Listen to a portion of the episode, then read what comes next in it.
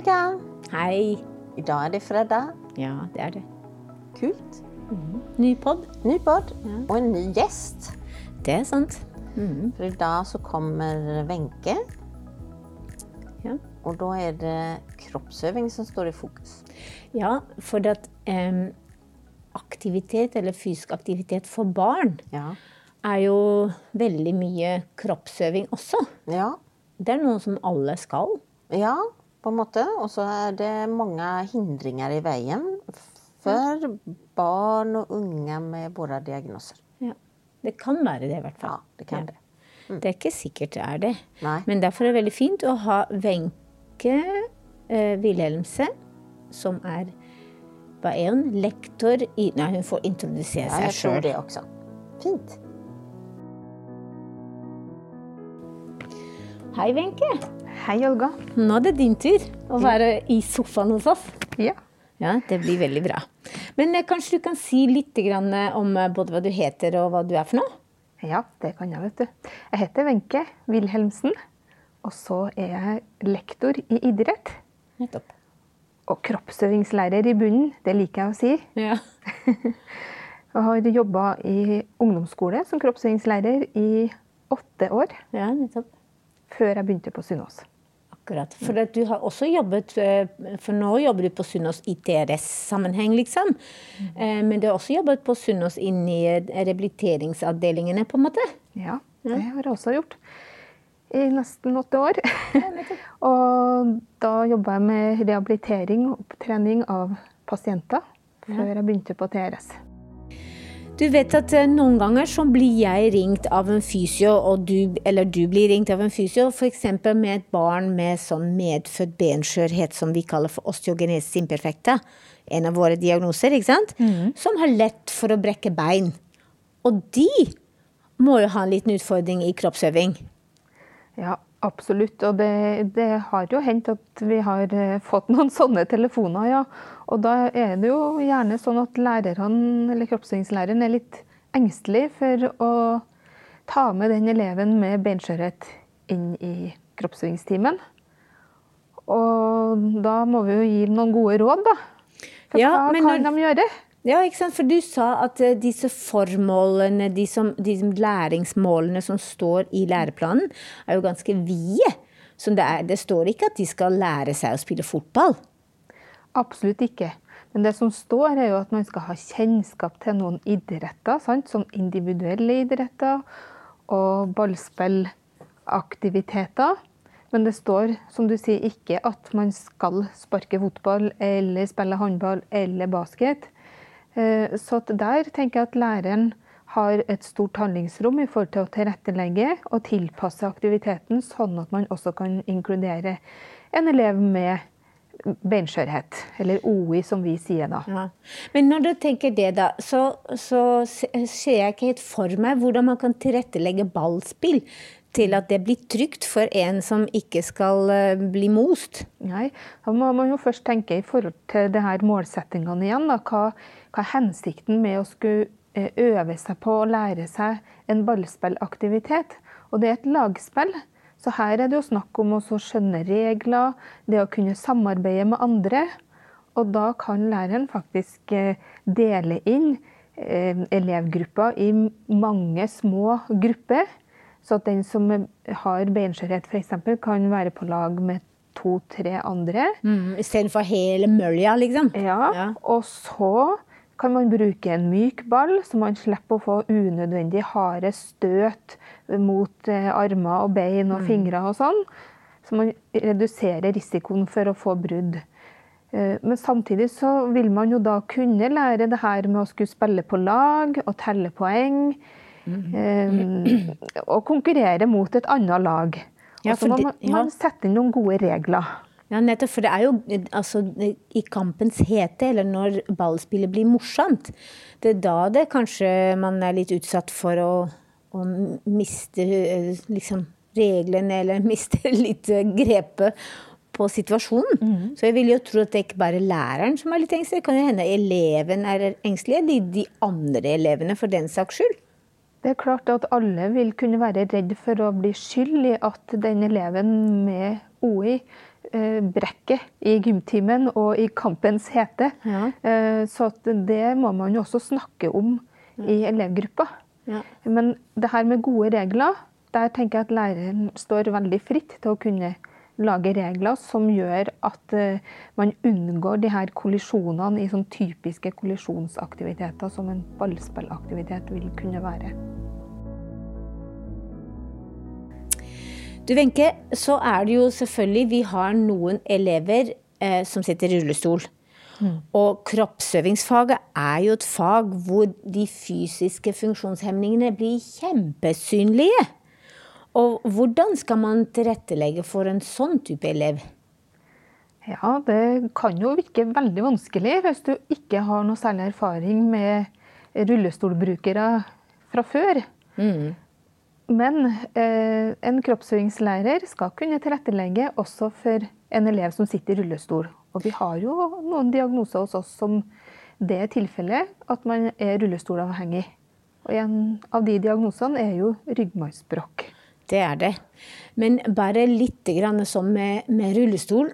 Sånn innbiller jeg meg at jeg har hørt at noen sier ja, men når du bruker rullestol, så er det nesten litt lettere enn når du ikke bruker rullestol. Ja, tenker du For å tilrettelegge, da. Ja. Det, det er klart hvis at du har noe gangfunksjon, ja. eh, men også bruker rullestol for avlastning, så vil jeg som gymlærer eller kroppsøvingslærer eh, anbefale i hvert fall å variere bruken. Alt etter hva formålet med timen er, altså hvilken aktivitet man skal ha i kroppsøvinga. Eh, så jeg tenker at det er mange ganger en fordel å ha en litt sånn type aktiv eh, stol i, mm. i gymmen. Ja, for da får man opp farta og, og sånne type ting som ellers er vanskelig når du har bevegelseshemming. Og det er lettere å inkludere eleven i rullestol enn uten hvis du har en aktivitet som krever litt fart. da. Mm. Um, men igjen så må du jo se hva hensikten med den kroppsøvingstimen skal være. Ja. For det er klart du kan jo ha aktiviteter som ikke har så høy intensitet, og som, hvor formålet er noe helt annet enn fart. da. Mm. Mm. Selvfølgelig. Eh, og så er det jo noen som er litt redd for den farta òg. Har liksom eleven helt kontroll? Og når vi snakker om ryggmargsbrokk, så kan det jo noen ganger være at de har litt skjulte utfordringer også i forhold til dette med eh, tenkeevne eller kognisjon. Ja. Ryggmargsbrokk er jo en sammensatt diagnose. Og det vi ofte ser først, det er jo at sitter, mange av dem sitter i rullestol. Mm. Eh, og da er det det fysiske man ser og tilrettelegger etter som kroppsøvingslærer. Så man må kjenne eleven med, med ryggmargsbrokk litt før, før, man får til å tilrettelegge optimalt, tenker jeg. Mm. Eh, og det som er utfordringa ofte for de elevene som har kognitive vansker, det er det her med rom og retning.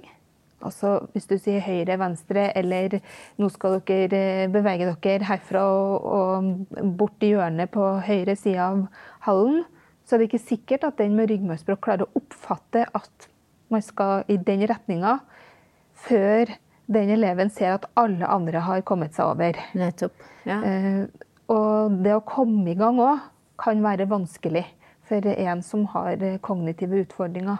Initiativ tenker du på? Initiativ ja. og denne startknappen eh, er litt effekt. Så man trenger litt ekstra hjelp til å komme i gang. Men dette her er jo ting um, ikke så lett å få tak i. Har man da Man har vel uh, noen type PPT-rapport eller noen Man må jo få litt hjelp, nesten. Men ofte når det er snakk om ryggmargsbrokk, så er det en kjent uh, problemstilling når man først har kommet til skolealder. Ja, okay. Eh, men ikke alltid. Nei,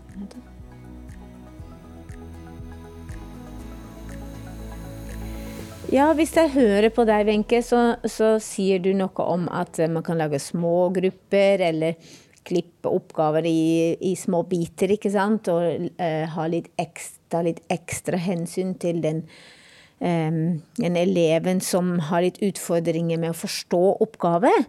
Men det høres jo nesten litt umulig ut når du har 25 eh, elever i en gymsal, og alle er høyt og lavt. Hva kan man gjøre liksom, for å få litt hjelp? Er det noen regler som gjelder, eller hvordan gjør man dette? Ja, altså, I utgangspunktet så har jo alle elevene krav på undervisning i alle fag så lenge du går i grunnskolen. og Da tenker vi barneskole og ungdomsskole. Ikke sant? Så det er litt andre regler som gjelder når du kommer over på videregående. Ok. Eh, Og, og hvis det er sånn at en elev ikke får optimalt utbytte av undervisninga ved tilrettelegging fra kroppsøvingslæreren i dette tilfellet, mm. så kan man søke om noe som kalles for spesialundervisning. Altså det å få inn en ekstra lærerressurs. på Men må det alltid være spesialundervisning? Har ikke mange av disse elevene en assistent for noen praktiske oppgaver? Hjelp til eh, både ene og det andre?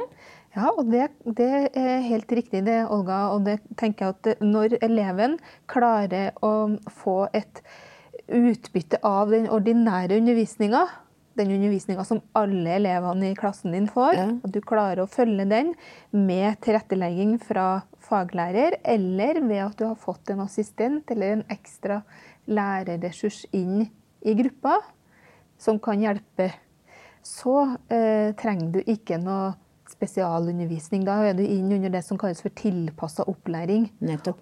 Men en tilpasset opplæring, Wenche. For det er jo veldig lett, øh, syns jeg har hørt man sier det, at man får ekstra støtte, en lærer, en assistent, når man har lærevansker.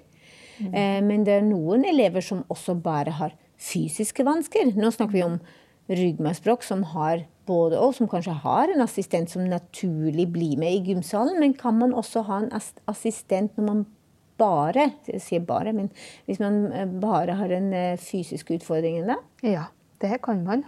Og det er flere av våre diagnoser her på TRS som har behov for å ha med en assistent i kroppsøvinga og i de andre praktiske estetiske fagene også, som kan hjelpe med det som er utfordrende fysisk å få til for den eleven i de ulike praktiske estetiske fagene. Eh, Og det søkes det om hvis man ser at det er et behov for det. Og den assistenten er jo til stede nettopp for at eleven da skal kunne følge den ordinære undervisninga med noe tilpasninger og litt hjelp. Ja, for da er det ikke spesialundervisning. det er ikke spesialundervisning. Nei. Og det kan være så enkelt som at eh, man bare trenger litt ekstra hjelp i garderoben med av- og påkledning f.eks. Og så er man klar til å være med sammen med klassen i vanlig undervisning. Ok, Men hva skjer da når vi går over til spesialundervisning? Hva blir annerledes da? Da settes det litt andre mål. Da justerer man på læreplanmålene, sånn at den eleven eh, har noen helt konkrete mål som er tilpassa bare for seg. Okay. Men så er det sånn at eh, man prøver så langt det lar seg gjøre å inkludere den eleven i ordinær undervisning sammen med resten av klassen, men med litt hjelp. Er det da vi snakker om at noen vil gå til fysioterapeut? Ja, i noen tilfeller så vil du kanskje ha eh, behov for å være eh, på fysioterapibehandling uh, i stedet for. Men vi, du har ikke lov til å frita eleven fra undervisning. Nei, Så så vi vil ikke det egentlig, at de skal til fysioterapeut i gymtimen? Nei, i utgangspunktet så er ikke det eh, noe erstatning for undervisning. Eller det er ikke noe erstatning for undervisning i kroppsøvinga. Nei, nettopp. Og, og det er viktig også å skille på. Og som eh, grunnskoleelev, altså i barneskole og ungdomsskoleelev, så, så kan du ikke fritas fra undervisning. Men så er det jo sånn at noen av våre diagnoser, f.eks. OI som vi snakka om i sted, hvis du får et brudd, så vil du da ha en periode hvor du ikke kan delta i kroppsøvinga. Ja, det, går, altså, det må jo være greit. Ja, og da tenker jeg at det mest hensiktsmessige da vil kanskje være at du får fysioterapibehandling, mens de andre i klassen din har kroppsøving. Mm, det kan være, men jeg ser også for meg at noen med OI og gips kan fint være med i kroppsøving, hvis kroppsøving er tilpasset. Så dette kan vi ikke si noe helt Vi kan ikke si sånn er det her. Her må det jo individuelt tilpasses. Ja, og da kommer vi inn på et viktig tema som handler om det å snakke sammen. Ja. Og hvem er det da som skal snakke sammen? Ja, Wenche, når du sier eh, å snakke sammen, Eh, hvem tenker du på da, og hvem har liksom ansvar for å dra det i gang? Ja, det er viktig at uh, man snakker sammen for å kunne legge godt nok til rette. Og da er det sånn at Kroppsøvingslæreren må kartlegge elevene sine. Hva er det eleven kan? Hvilke erfaringer har eleven med seg? Hva liker eleven å gjøre på fritida? Og når jeg sier eleven nå, så snakker jeg om en av våre diagnoser. Sant? At en av de her elevene kan ha en av våre diagnoser. Jo, men det kan jo være Det gjelder vel alle? Det gjelder alle. Men som eksempel så tenker jeg at det er ikke så vanlig at eh, kroppsøvingslæreren snakker med foreldrene til alle, sånn én og én. Men når, har, når, eh, læreren har en av våre diagnoser her, så, så er det lurt å snakke litt mer om hva går denne diagnosen ut på. Hva vil det si for akkurat denne eleven som har en av våre diagnoser. For vi har sjeldne diagnoser her på TRS som vi ikke kan forvente at en kroppsøvingslærer kan så mye om. Og heller da ikke skjønne at det trengs f.eks. å tilrettelegges litt ekstra for. Mm. For at eh, når du sier 'snakke sammen', så begynte vi med i stad. Og da mm. betyr det både da familien mm. eh, Kanskje eh, noen andre lærere eller noen andre instanser, eller? Ja. Kroppsøvingslærer, foresatte, altså foreldrene ja. til eleven. Og eleven sjøl også, hvis, hvis, eleven er gammel nok. Ja, ja. De kan jo eh, vite hva de liker. Ja. Eh, men også eh, fysioterapeuten. De har jo gjerne kontakt med fysioterapeut.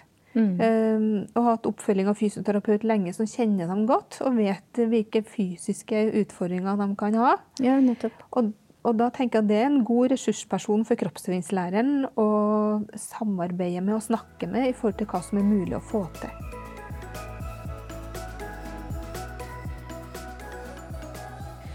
Så er det eh, litt artig egentlig, Wenche, tenker jeg, at noen elever med fysiske funksjonshemninger, eller noen av våre diagnoser, har jo hørt at de syns at gym er det beste faget de har på skolen. Eller en av favorittfagene sine. Og det er jo artig. Kroppsøvinga skal jo eh, være mye lekprega aktiviteter i. Ja. Gjennom hele skolegangen, fra du begynner i første klasse til du går ut videregående. Mm. Så tenker jeg det er viktig å ha noe som eh, motiverer for eh, bevegelsesglede og videre aktivitet gjennom livet sitt, også inn i voksen alder. Og da er det så viktig at man får lov til å prøve seg på litt forskjellige typer aktiviteter. og Finne noe som passer for seg, og der man opplever mestring, at man får til noe og, og kjenner at man er god på noe. Da. Ja. Og det gir jo da en glede med å være i aktivitet. Ja. Wenche, nå har vi snakket en del om barne- og ungdomsskole, men hvis jeg forstår det riktig, så er det litt forskjell på fagets målsetting eller vurdering på en måte av faget når vi går i de forskjellige nivåene i uh, opplæringssystemet vårt, altså barneskole, ungdomsskole, videregående. Mm. Kan ikke du si litt om det? Ja. I grunnskolen, altså barne- og ungdomsskole, ja. så har du krav på undervisning i alle fag, også kroppsøving. Krav, ok, ja. ja. Og så er det sånn i kroppsøving så kan du fritas fra vurdering med karakter. På ungdomsskole. På ungdomsskole. Men du må være med i faget? Du må være med i undervisninga. Du har krav på undervisning. Ja, nettopp. Når du begynner på videregående, så er det litt andre regler som gjelder. Okay. Da kan du fritas fra undervisninga i kroppsøving. Oh, ja. Men det må godkjennes med en legeattest og av rektor. Akkurat. Så det er rektor som avgjør om du får fritaket ja, Så da står det ikke på ditt karakterkort i det hele tatt? Nei, da blir ikke det faget regna med inn i mm. totalen på vitnemålet ditt. Så da, du går ikke i noe minus. Noen av de her diagnosene som er hos oss, de mm, må gjennom en del operasjoner kanskje, som gjør at eh, man har lengre eh, avbrekk i undervisninga si, og gjør at det er vanskelig å være med fysisk. Eh, og da er det jo lite hensiktsmessig å sitte i en gymsal og se på at andre er i fysisk aktivitet. Eh, og at den tida kan man bruke til noe annet, enten å lese på teoretiske fag eller få behandling og opptrening. Ja, nettopp. Men er det sånn at du kan delta i gym på videregående uten karakter? Ja, okay. det kan man. Ja. Så lenge du har et utbytte av det, nytteverdi av det, i form av at du lærer deg hvordan du kan ta vare på egen helse, og at man finner noen aktiviteter som passer for seg, og som man liker å holde på med, og som man kommer til å fortsette med fremover i tid. ja, det er jo eh, ikke så lett et kroppsøvingsfag, tenker jeg. Det er ikke bare bare å tilrettelegge så at alle får en positiv opplevelse. Nei, og det skjønner jeg. Det er utfordrende. Og kroppsøvingslæreren har jo ganske mange elever man skal ta hensyn til å tilrettelegge undervisninga for. Mm. Men hvis det er sånn at man har eh, en elev med en av våre diagnoser, så er det veldig lov til å ringe til TRS og spørre etter eh, en av oss idrettspedagogene eller noen av fysioterapeutene. Ja. For det er vi veldig glad i når folk ringer oss og spør. For da kan man formidle noe som kanskje kan hjelpe den enkelte for å få en god opplevelse i kroppsøving. Ja. Det er fint.